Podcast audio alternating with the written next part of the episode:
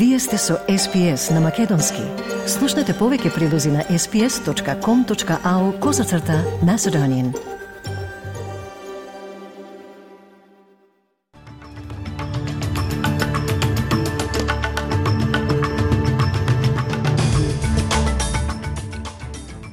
Од денешниот билтен вести издвојуваме. Австралија вети повеќе оклопни возила Бушмастер за Украина здруженија на ривалски банди поврзани со подметнати пожари во Викторија. Самитот на НАТО во Вилнус искористен за македонската Европска Унија аргументација и од спортот нов Јуженвил се спасува својата репутација со победата во третиот надпревар од State of Origin.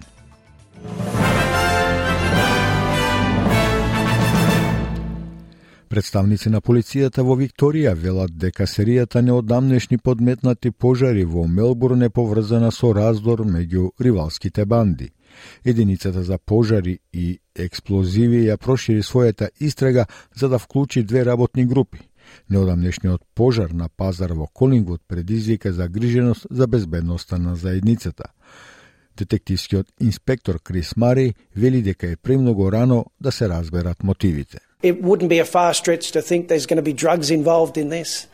Uh, it's not going to be a stretch to think that there's outlaw motorcycle gangs, uh, you know, working either with or against Middle Eastern organised crime groups. So, yeah, I think that's we're looking at all angles. Продемократскиот активист Чао Ван Кам зборуваше јавно за прв пат денес откако се врати во Австралија.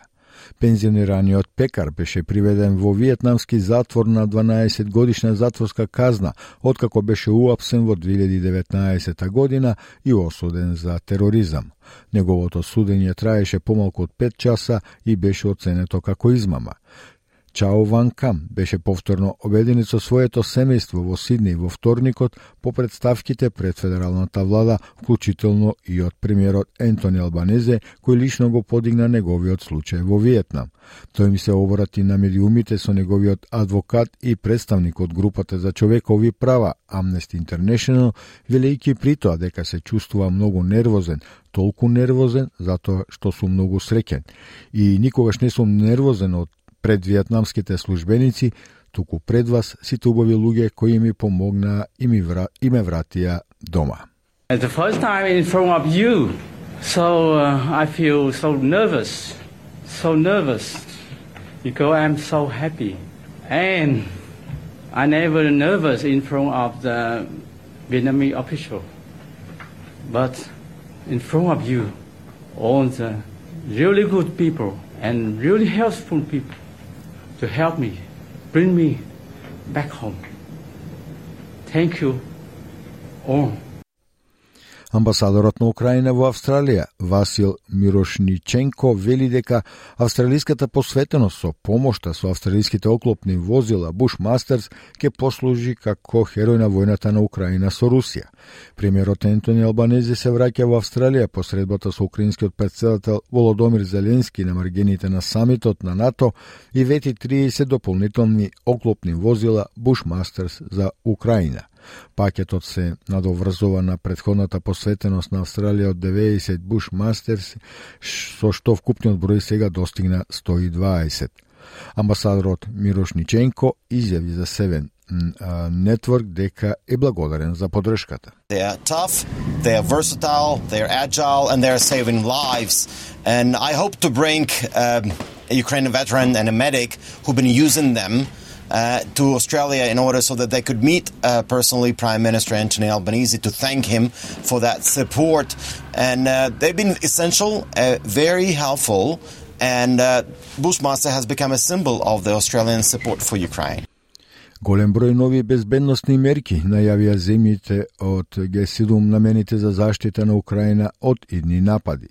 Декларацијата на седумте индустријски развиени земји во светот одредува како сојузниците ќе ја поддржат Украина во наредните години за да се стави крај на војната и да се одврати и да одговори на секој иден напад.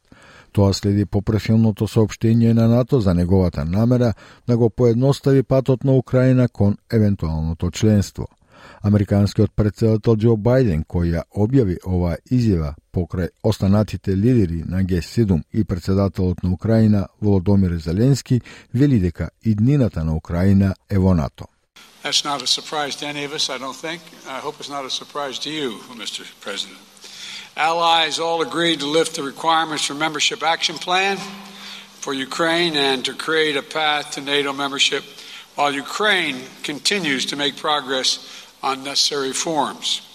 But we're not waiting for that process to be finished to make the long term commitments that we're making to Ukraine's security. Хју Едвардс е именуван како суспендиран водител на BBC, кој се најде во центарот на неодамнешните обвинувања дека машки водител платил млад човек за сексуално експлицитни фотографии. Неговата сопруга, Вики Флинт, објави сообштение во кое вели дека незиниот сопруг страда од сериозни проблеми со менталното здравје и дека во последниве години се лекува од тешка депресија. Таа бара приватност за незиното семејство и вели дека Едвардс длабоко жали за многуте колеги кои беа погодени од неодамнешните медиумски шпекулации. Полицијата вели дека нема информации кои укажуваат на сторено кривишно дело. Наводите првично беа објавени во весникот Сан, а портпаролот потврди дека медиумот нема намера да објавува дополнителни наводи. Македонскиот премиер Димитар Ковачевски на крајот од дводневниот самит на НАТО Алијансата што се одржа во главниот град на Литванија Вилнус на пресконференција говореше за перспективата на Македонија како и за тоа што значат донесените одлуки на самитот за Алијансата, за Македонија како држава и како членка на НАТО. Ковачевски рече дека македонската заложба според стандардите и обврските спрема НАТО за инвестиции во одбраната од најмалку 2% од бруто домашниот приход, од кои 20% треба да се наменети за модернизација, се веќе приближно остварени и додаде. Ние оваа година имаме 1,85% од бруто домашниот производ наменети за одбрана или вкупно 274 милиони евра. Следната година, според буџетската проекција, веќе достигнуваме 2% од бруто домашниот производ, односно 304 милиони евра и ќе го држиме тоа ниво и во иднина. Независната пратеничка Даели вели дека австралиските политички сили се недоволно опремени да се справуваат со случаи на семено насилство.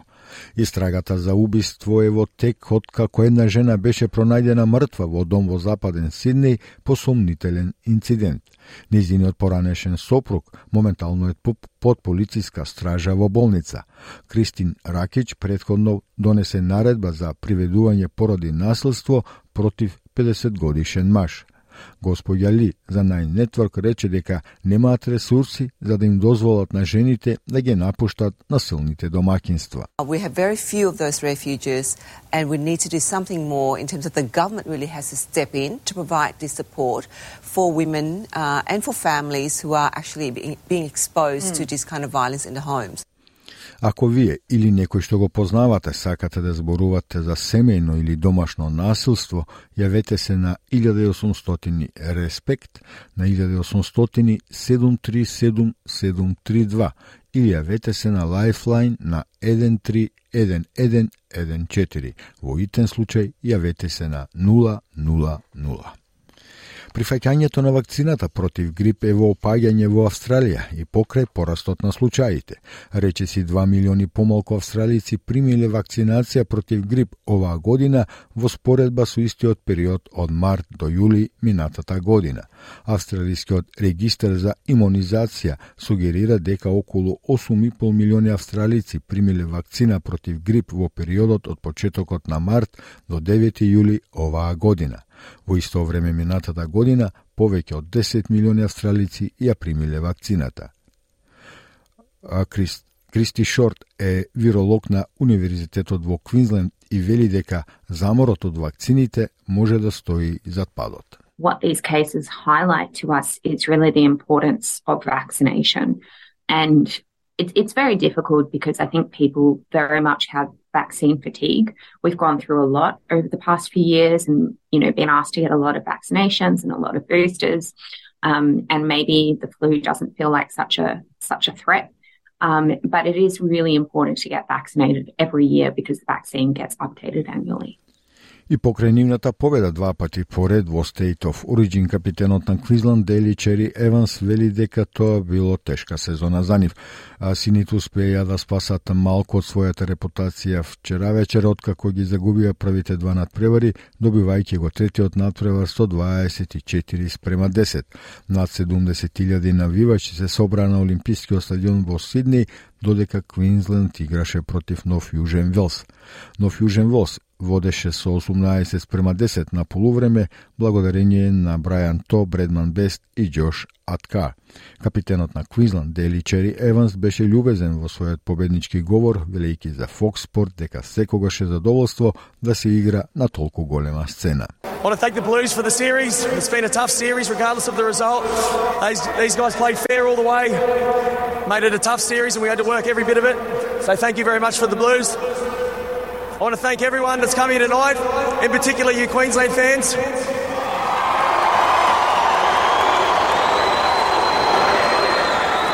And as Ruben touched on, there's 5 million of us sitting at home in Queensland.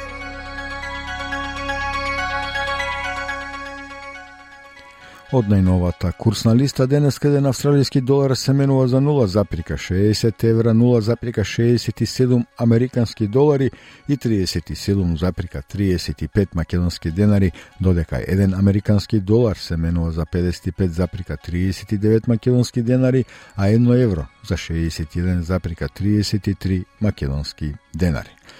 И за крај од вестите временската прогноза за поголемите градови во Австралија утре петок 14 јули, Перт утрински врнежи со температура до 17 степени, Аделајд претежно сончево до 17, Мелбурн намалување на ветровите делумно облачно до 15 степени, Хобарт слаби врнежи од дожд до 16, Камбера делумно облачно до 15 степени, Сиднеј претежно сончево со температура до 22 степени, Брисбен делумно облачно до 23, Дарвин сончево до 32 степени, и во Алис Спрингс ќе биде сончево со температура до 24 степени.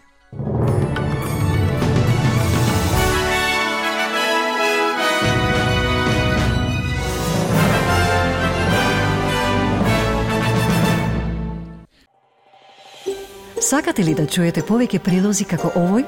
Слушате подкаст преку Apple Podcasts, Google Podcasts, Spotify или од каде и да ги добивате вашите подкасти.